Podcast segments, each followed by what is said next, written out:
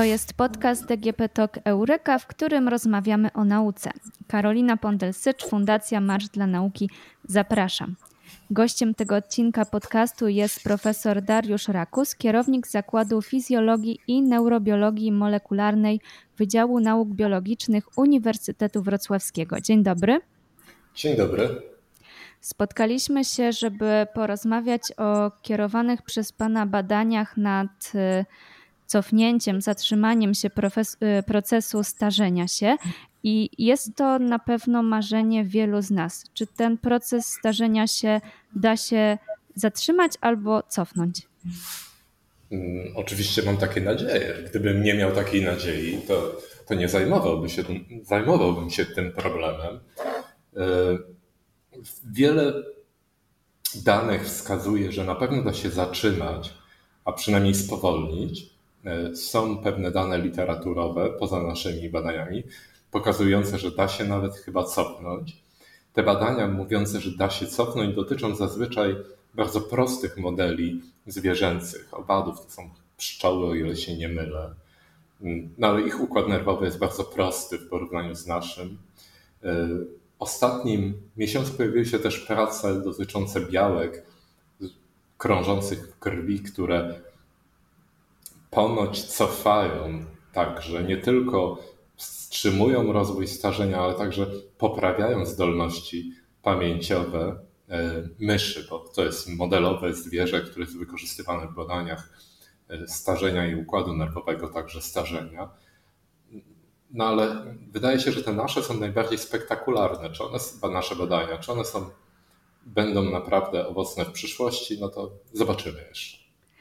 Czy mógłby Pan e, powiedzieć trochę więcej na temat e, prowadzonych badań? E, prowadzonych przez nas oraz tak, przez Tak, tak, prowadzonych przez Pana. Ach, nasze badania próbują cofnąć, cofnąć tak naprawdę, nie tylko zatrzymać, ale cofnąć zmiany starcze w mózgu, wykorzystując mechanizm, który jest zresztą bardzo słabo poznany do tej pory, ale stał się popularny kilkanaście lat temu mechanizm tworzenia pamięci.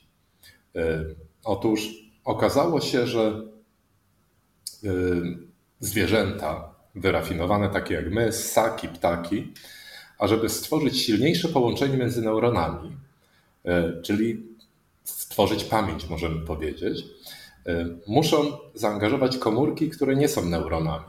Komórki, które towarzyszą neuronom, komórkom nerwowym, i tymi komórkami są astrocyty komórki glejowe.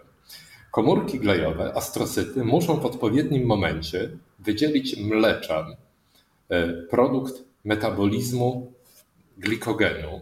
Muszą wydzielić mleczan w konkretne miejsce. Wówczas neurony go pobierają. Ów mleczan jest prawdopodobnie cząsteczką sygnałową, która w uproszczeniu możemy powiedzieć, mówi neuronom, że tak, teraz tworzycie pamięć. Sama silne sygnałowanie między dwoma neuronami nie wystarcza w naszym mózgu. Nie wystarcza do tego, żeby stworzyć pamięć. E, można by dużo mówić, po co taki dodatkowy mechanizm, ale to dotyczy raczej innego spotkania. E, natomiast no, istnieje on.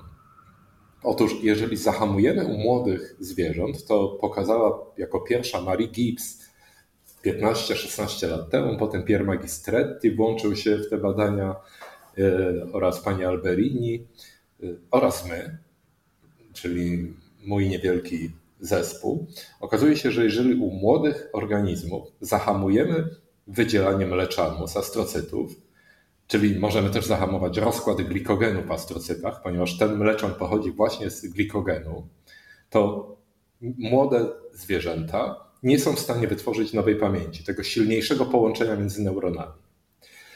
Ale my postanowiliśmy przetestować, a co się stanie u starych zwierząt, u których e, no, istnieją jednak istotne różnice pomiędzy starymi a młodymi e, w morfologii, w proteomie neuronów oraz astrocytów. No i zahamowaliśmy wydzielanie takiego mleczanu pochodzącego z glikogenu, z astrocytów. I okazało się, że to nie psuje pamięci u starych zwierząt, tylko wręcz odwrotnie, poprawia. Te badania były prowadzone na tak zwanych izolowanych skrawkach hipokampalnych, więc nie możemy mówić, że byliśmy w stanie obserwować zmianę zachowania, no bo izolowany fragment mięśnia to też nie jest sprinter przecież cały. Tak izolowany skrawek z mózgu wycięty nie jest, nie odpowiada w całości zachowaniu przecież całego osobnika, całej myszy. I dlatego potem zaczęliśmy badać, czy rzeczywiście w całym żywym organizmie zahamujemy rozkład glikogenu. Tak naprawdę interesował nam jeden fragment, mózg, a dokładniej hipokamp, w którym ta pamięć się tworzy.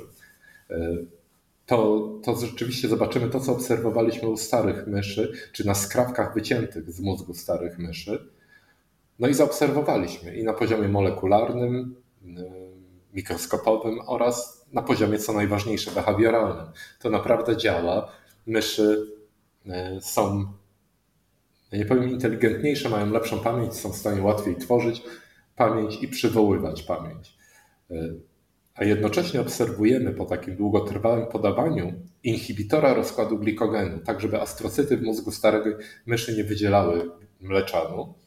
E, obserwujemy zmiany na poziomie produkcji białek. Czyli to są takie rzeczywiście podstawowe zmiany, e, które mówią, że ten mózg się odmładza, że to nie jest coś chwilowego, Chwilowo jesteśmy w stanie poprawić funkcjonowanie mózgu dorosłych, nawet starych osób. Na przykład możemy podać leki zwiększające wydzielanie jakiegoś neurotransmiteru, wtedy transmisja będzie lepsza nerwowa. Natomiast no, ta chwilowa zmiana to nie jest zmiana, która ma trwać cały czas, yy, tak jak my mamy zamiar osiągnąć, czyli naprawdę zahamować proces starzenia, właściwie odmłodzić mózgi. Natomiast to jest bardzo niebezpieczny moment. Nie wiemy, w którym momencie życia następuje to przejście, że na początku rozkład glikogenu jest potrzebny, żeby stworzyć pamięć, więc jeżeli zahamujemy u młodych osób rozkład glikogenu, to pamięć nie powstanie. Kiedy jest to przejście? Kiedy ten mleczan powstający z glikogenu zaczyna działać szkodliwie i dlatego u starych hamujemy rozkład glikogenu i poprawiamy. Przypuszczamy, że to przejście jest gdzieś mniej więcej na etapie końca dojrzewania myszy, czyli powiedzmy, czy przekładając na wiek ludzki około 15-17 roku życia. Zakładamy, że wcześniej to jest szkodliwe, a potem pomaga. Czy jeżeli takie myszy, które mają odmłodzony mózg i lepszą pamięć, mogą tworzyć e, nowe wspomnienia, to czy e, w tym mózgu jest tyle miejsca, czy te wcześniejsze wspomnienia są tracone? Wydaje nam się, że wiele może być traconych. Obserw mm, obserwowaliśmy, jak wyglądają takie cienkie, delikatne wypustki na neuronach zwane kolcami dendrytycznymi. Otóż owe kolce dendrytyczne są malutkie, mikro, mikrometrowe wypustki. To są właśnie struktury, na których powstają połączenia między neuronami, odpowiednio silne. Im silniejsze połączenie, to te wypustki wyglądają grzybkowato, bardziej grzybkowato. Im słabsze połączenie, to wyglądają nitkowato. Otóż podając przez dłuższy czas ów inhibitor rozkładu glikogenu w astrocytach, zaobserwowaliśmy, że kształt wypustek się zmienia i dużo więcej pojawia się nitkowatych, czyli takich, które są słabo połączone albo z niczym nie połączone, ale to mówi o tym, że one mogą wytworzyć silne połączenie. A znikały niektóre takie częściowo grzybkowate, czyli prawdopodobnie tracone były słabsze wspomnienia, e, natomiast w tym miejscu robiło się miejsce na stworzenie silniejszych połączeń. To przypomina coś, co się dzieje e, około drugiego roku życia u ludzi, tak zwaną amnezję dziecięcą, gdy wymazujemy szereg wspomnień, ażeby właśnie stworzyć większą ilość potencjalnych nowych połączeń. Dziecko zapamiętuje wszystko bardzo mało wybiórczo, nie wie, co jest ważne do zapamiętania, więc ten mózg jest bardzo chłonny, możemy powiedzieć. Ma odpowiednią ilość miejsca do stworzenia nowych wspomnień. Natomiast olbrzymia część tych wspomnień nie ma, żadnego, nie ma żadnej wartości przystosowawczej nie pomaga w przeżyciu osobnika. W związku z tym, gdy mózg dziecka zaczyna już pracować znacznie bardziej wydajnie, bardziej logicznie, to, czyli około drugiego roku życia, to dziecko jest w stanie weryfikować, że pewna wiedza jest dla mnie ważna, pewna jest nieważna i w związku z tym powinno tworzyć wtedy wspomnienia, które są ważne. Zapamiętujemy w ten sposób świat. Nie pamiętamy wszystkiego, co się działo wokół. I wtedy następuje proces genetycznie determinowany wymazywania wspomnień. Praktycznie wszystkie synapsy są osłabiane, ale, czyli połączenia między neuronami. Ale te, które były najsłabsze, zostaną całkowicie osłabione, a te, które były bardzo silnie e, trenowane, a więc na przykład umiejętność chodzenia, słynna w Polsce już posługiwania się widelcem, którym nauczyliśmy Francuzów jeść, e, te zostaną także prawdopodobnie troszkę osłabione, ale ponieważ tło zostało zniwelowane wręcz do zera, te nieważne połączenia, no to w zasadzie będziemy pamiętali lepiej rzeczy ważne. Czyli będziemy wiedzieli, że trzeba krzyczeć głośno, żeby mama przyniosła jedzenie y, i tak dalej. I wydaje nam się, że to jest taki proces właśnie, bardzo podobny do tego procesu po dodaniu inhibitora rozkładu glikogenu. Wymazujemy słabe, najsłabsze wspomnienia, w zasadzie próbujemy wymazać wszystko niechcący, ale wymazujemy tak naprawdę tylko słabsze wspomnienia i robimy miejsce na powstanie nowych. E, mamy taką nadzieję, że tak to wygląda. Mamy pewne przesłanki, czyli morfologię owych połączeń synaptycznych i, i miejmy nadzieję, że tak to działa. Nasz mózg e, kontroluje bardzo wiele procesów, e, które zachodzą w naszym ciele. Czy te e, zmiany też mają wpływ na inne części ciała myszy? Mm, nie, wydaje się, że nie. Że zmiany, które nas interesują, czyli związane z tworzeniem pamięci, z wyższymi funkcjami poznawczymi, to hipokamp, ale także kora mózgowa na przykład, że te zmiany, które indukujemy podając ów inhibitor, są związane właśnie tylko z tymi dwoma strukturami. E, znacznie słabsze są w strukturach, e, które zawiadują na przykład właśnie tymi podstawowymi czynnościami e, fizjologicznymi, a więc związanymi z oddychaniem, pobieraniem pokarmu, wydzielaniem. Te struktury są w innej części mózgowa umiejscowione i wydaje się, że tam procesy takie tworzeniem i zbieraniem informacji, czyli z pamięcią, e, nie są specjalnie zaawansowane. E, czyli tam nie uczymy się w ten sam sposób po prostu. Więc e, raczej nie wpływają. Natomiast czy ten sam inhibitor wpływa na inne fragmenty ciała? Tak, oczywiście. Otóż glikogen jest powszechny w naszym organizmie. My stosujemy inhibitor białka, enzymu, który rozkłada glikogen. Stosujemy inhibitor, który ma być bardziej specyficzny wobec formy tego białka występującej przede wszystkim w mózgu, ale jesteśmy świadomi, że ten inhibitor hamuje także rozkład w innych częściach naszego organizmu, chociaż mniej specyficznie zapewne wiąże się z enzymem niż w mózgu. W związku z tym mamy ograniczony rozkład glikogenu w mięśniach, ograniczony rozkład glikogenu w wątrobie. To nie jest tak, że my hamujemy całkowicie, ponieważ używaliśmy znacznie za małych stężeń, żeby zahamować całkowicie aktywność tych enzymów.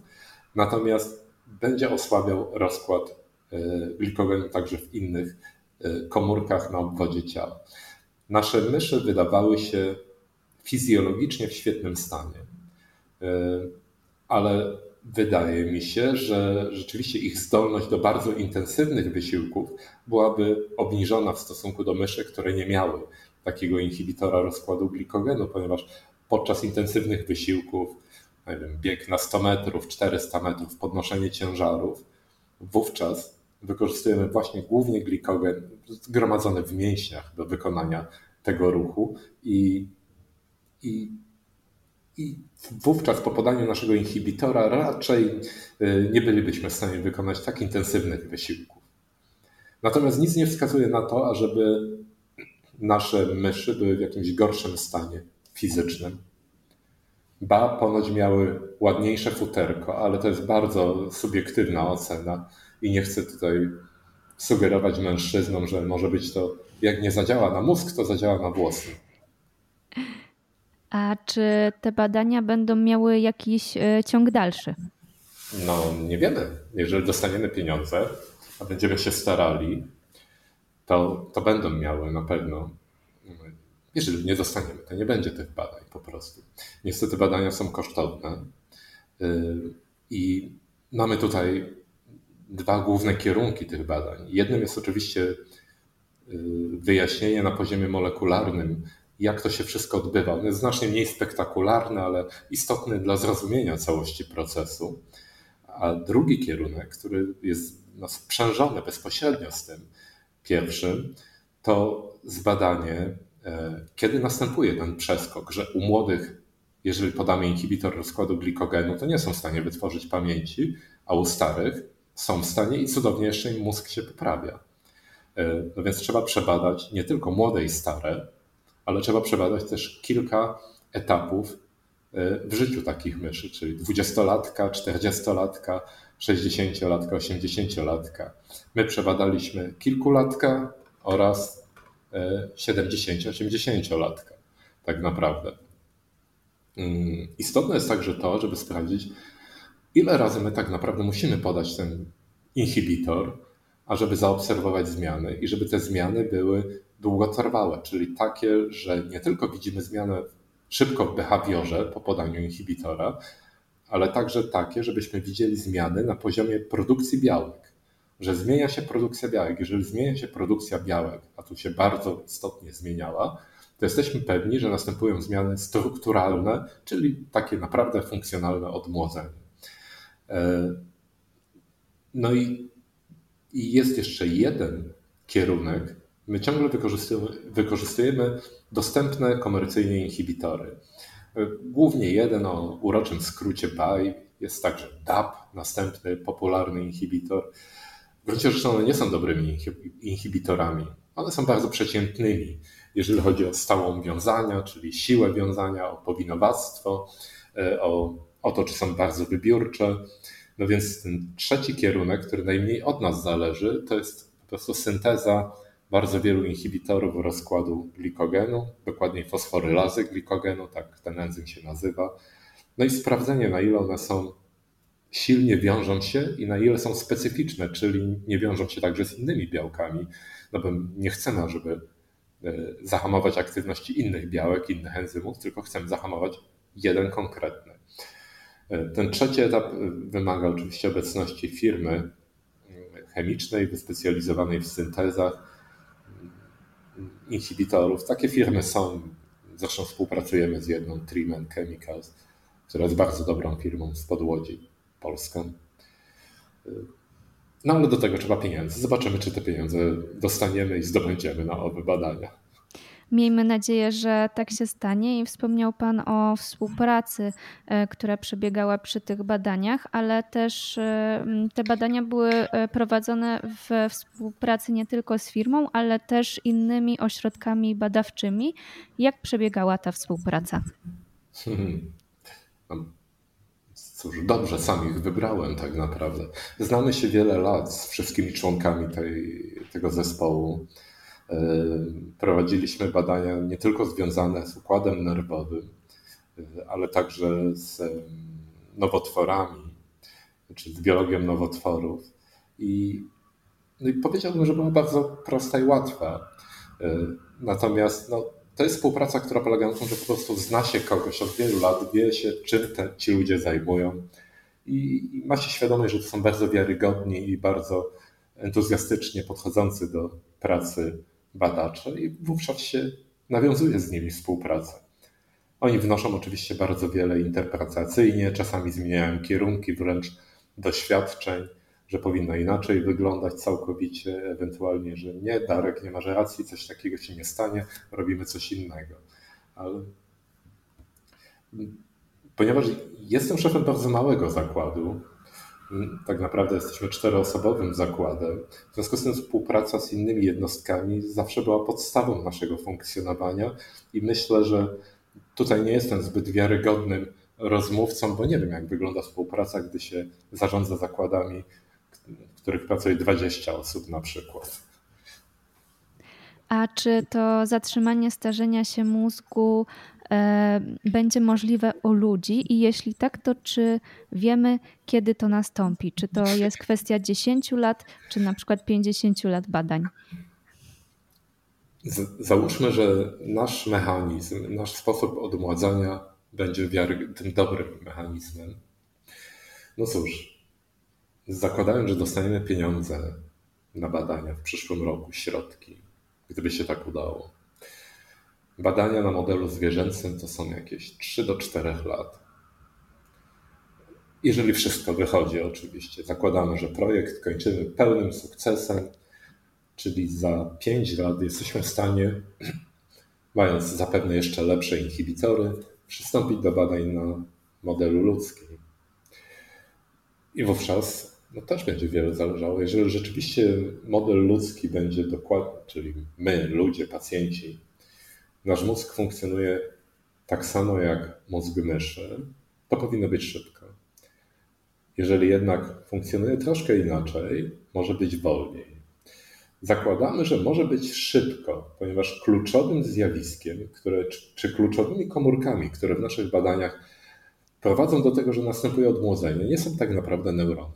To one są odmładzane, ale są to astrocyty. Te komórki glejowe, które zwykle rozkładają glikogen i wytwarzają mleczan.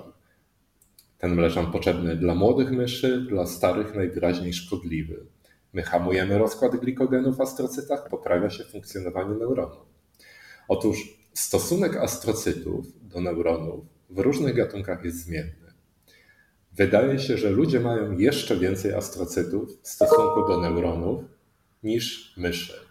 W związku z tym efekt może być szybszy i, i silniejszy być może nawet. Więc tutaj jesteśmy mm, dobrej myśli, że że to w ciągu dziesięciolecia mogłoby się udać już. Może nawet szybciej. Ale proszę nie zapominać, że także od wielu lat tak naprawdę są badania, y, w których próbuje się odmłodzić mózg, powstrzymać starzenie i odmłodzić mózg. To są dwie podobne, ale niekoniecznie takie same sprawy, używając innych związków. Niektóre substancje działające jako antyoksydanty albo niwelujące stan zapalny są w stanie spowolnić starzenie. No nie jest to odmłodzenie oczywiście mózgu, ale są w stanie bardzo poważnie spowolnić starzenie, a nawet poprawić funkcjonowanie już starego mózgu. Ponieważ on funkcjonuje kiepsko, gdy jest dużo stanów zapalnych i zbyt duża produkcja na przykład reaktywnych form tlenu. W związku z tym, jeżeli zniwelujemy stan zapalny, to widzimy znaczną poprawę funkcjonowania mózgu. Ja nie chcę mówić, że to jest odmłodzenie, bo to nie do końca jest odmłodzenie, ale jest to bardzo znaczne poprawienie funkcjonowania mózgu. Y, od wielu lat starają się także ludzie wykorzystać krew do odmładzania organizmów.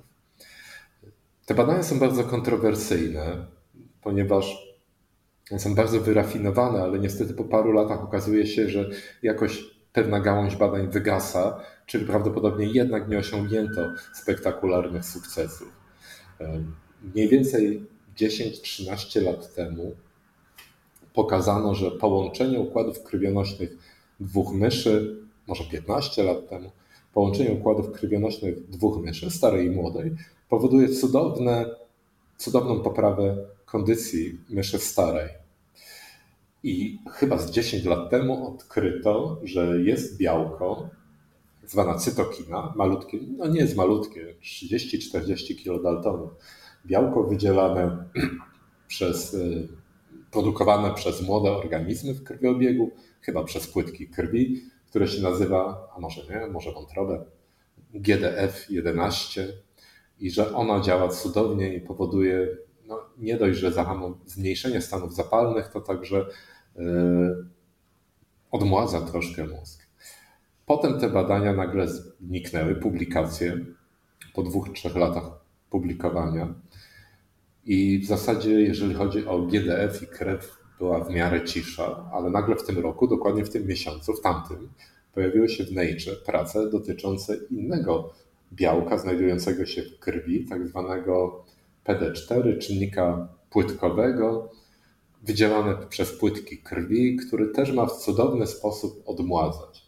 Ten PD4 to jest ciekawe białko. To jest białko, które jest wydzielane przez płytki krwi, czyli taką strukturę. To nie są komórki, tak naprawdę, element morfotyczny krwi, który bierze udział w krzepnięciu, w procesie krzepnięcia na przykład, ale on bierze udział w wielu innych procesach i wydziela na przykład PD4. To PD4 u normalnego osobnika, normalnego człowieka czy myszy jest wydzielane wtedy, gdy y, wykonujemy ćwiczenia fizyczne. I w związku z tym autorzy tych prac uważają, że dlatego ludzie ćwiczący uprawiający sport starzeją się wolniej, ich mózg starzeje się wolniej.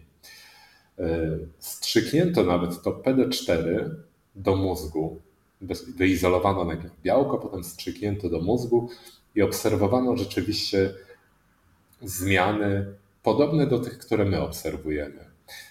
Nie zbadano proteomu, czyli nie sprawdzono naprawdę, jak wszystkie białka się zmieniają, ale zbadano chyba zmiany w ekspresji genów, o ile pamiętam, i okazało się, że następują widoczne zmiany. Czy krew albo białka zawarte w krwi odmłodzą? Trudno powiedzieć. Ćwiczenia fizyczne jeszcze nikogo nie odmłodziły, najwyżej spowalniają e, postęp starzenia. To oczywiście byłby i tak sukces, acz wolałbym, żeby było odmłodzenie. Tak więc kierunków badań jest co najmniej kilka związanych ze starzeniem, hamowaniem starzenia. Na pewno jest niwelowanie stanów zapalnych, które wiemy już doskonale, że są związane ze starzeniem wszystkich organów. To nie odmłodzi, ale spowolni bardzo starzenie. Być może są nadzieje z niektórymi białkami krwi, na przykład owym PD4, a może jednak ten GDF11, o którym wspominałem, który 12-11 lat temu wydawał się bardzo obiecującym. Teraz nie do końca wiemy, czy jest tak obiecującym czynnikiem spowalniającym. Może nawet one będą w stanie nie tylko spowolnić, ale także cofnąć. No, my mamy nadzieję, że tak naprawdę regulowanie metabolizmem astrocytów będzie kluczowe. Nie tylko dla spowolnienia, ale dla cofnięcia zmian, doprowadzania do wieku młodzieńczego. Tutaj e, nasuwa się takie trochę filozoficzne e, pytanie, czy gdybyśmy mogli zatrzymać, a nawet cofnąć e, starzenie się, to co by to oznaczało dla ludzkości? Czy stalibyśmy się nieśmiertelni? Dobre pytanie. To znaczy, poza mózgiem mamy oczywiście jeszcze wiele innych organów. Nawet gdybyśmy się odmłodzili, to nowotwory też będą postępowały ale stalibyśmy się teoretycznie, nie, występowały, przepraszam, nowotwory, stalibyśmy się teoretycznie nieśmiertelni. E, no, być może, być może. Pytanie, co wówczas nasz, e, jak to się nazywa? Kto płaciłby na nasze emerytury i czy musielibyśmy pracować do którego roku życia, tak? E, nie, to jest na pewno idea nieśmiertelności jest bardzo niebezpieczną ekonomicznie ideą dla każdego kraju, nie tylko Polski, w każdym kraju byłoby to bardzo niebezpieczne z punktu widzenia ekonomii. Zobaczymy, co przyniosą nam te badania. Miejmy nadzieję, że to finansowanie będzie przedłużone i e, Pana zespół nie, my będzie jeszcze musimy je zdobyć. Na, na te badania mamy tylko szczątkowe finansowanie, które opublikowaliśmy. Mieliśmy szczątkowe tylko. Ale chciałem powiedzieć, że to szczątkowe finansowanie to także było finansowanie e, z Narodowego Centrum Nauki, za co dziękujemy. W takim razie miejmy nadzieję, że uda się zdobyć to finansowanie. Te badania będą kontynuowane i e, usłyszymy o efektach e, tych dalszych badań. Dziękuję bardzo za rozmowę. Również dziękuję. Gościem podcastu DGP Talk Eureka był profesor Dariusz Rakus.